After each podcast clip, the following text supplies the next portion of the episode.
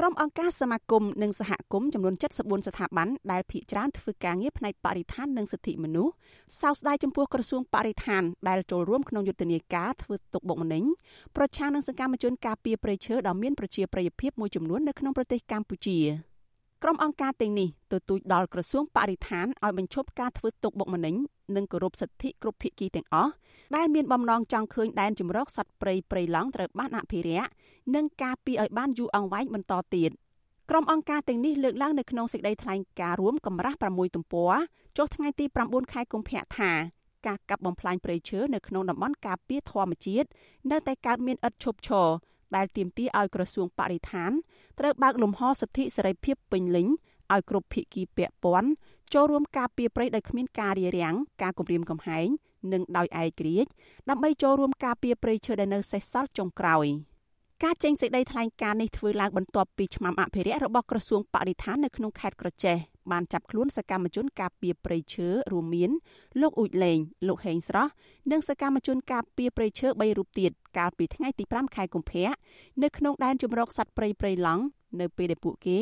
ប្រមូលភ័ស្តុតាងបទល្មើសព្រៃឈើ ព្រមទាំងបំពុះដើមឈើ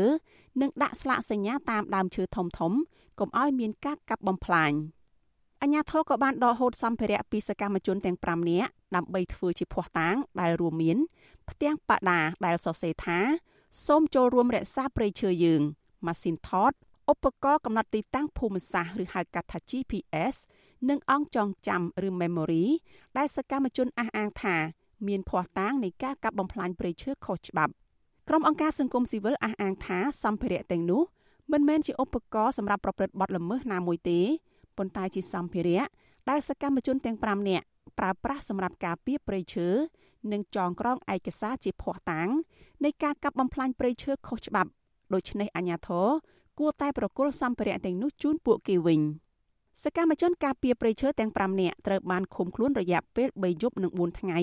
ដោយគ្មានការចោទប្រកាន់នៅមន្ទីរបរិស្ថាននិងអធិការដ្ឋាននគរបាលក្រុងក្រចេះពួកគេត្រូវបានដោះលែងមកវិញក្រោយពីធ្វើកិច្ចសន្យាដែលហាមឃាត់ពួកគេ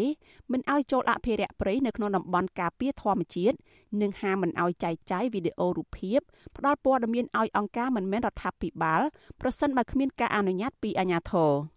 ប្រធានសមាគមបណ្ដាញយុវជនកម្ពុជាលោកអ៊ុលវ៉ាន់ទាមទារឲ្យក្រសួងសម័យមួយនេះគួរតែកែប្រែអរិយាប័ត្រឡើងវិញដើម្បីផ្ដល់លទ្ធភាពឲ្យគ្រប់ភាគីពាក់ព័ន្ធទាំងអស់មានសិទ្ធិការពារព្រៃកេដូនតាឲ្យមានប្រសិទ្ធភាព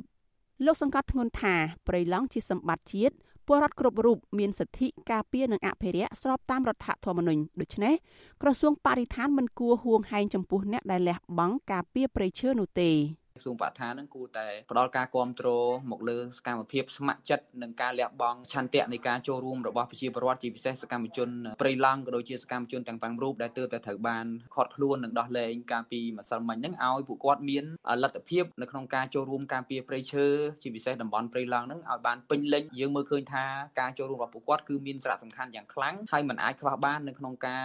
ទប់ស្កាត់សកម្មភាពកាប់បំផ្លាញព្រៃឈើនៅក្នុងតំបន់ព្រៃឡង់របស់សកម្មជនការពារព្រៃឡង់លោកគង្រីរំលឹកថារយៈពេលជិត2ឆ្នាំមកហើយដែលក្រសួងមិនអនុញ្ញាតឲ្យសហគមន៍ព្រៃឡង់ចុះល្បាតព្រៃបើគ្មានច្បាប់អនុញ្ញាតលោកថាកន្លងទៅពួកលោកបានស្នើសុំច្បាប់អនុញ្ញាតពីមន្ទីរបរិស្ថានខេត្តស្ទឹងត្រែងជាច្រើនដង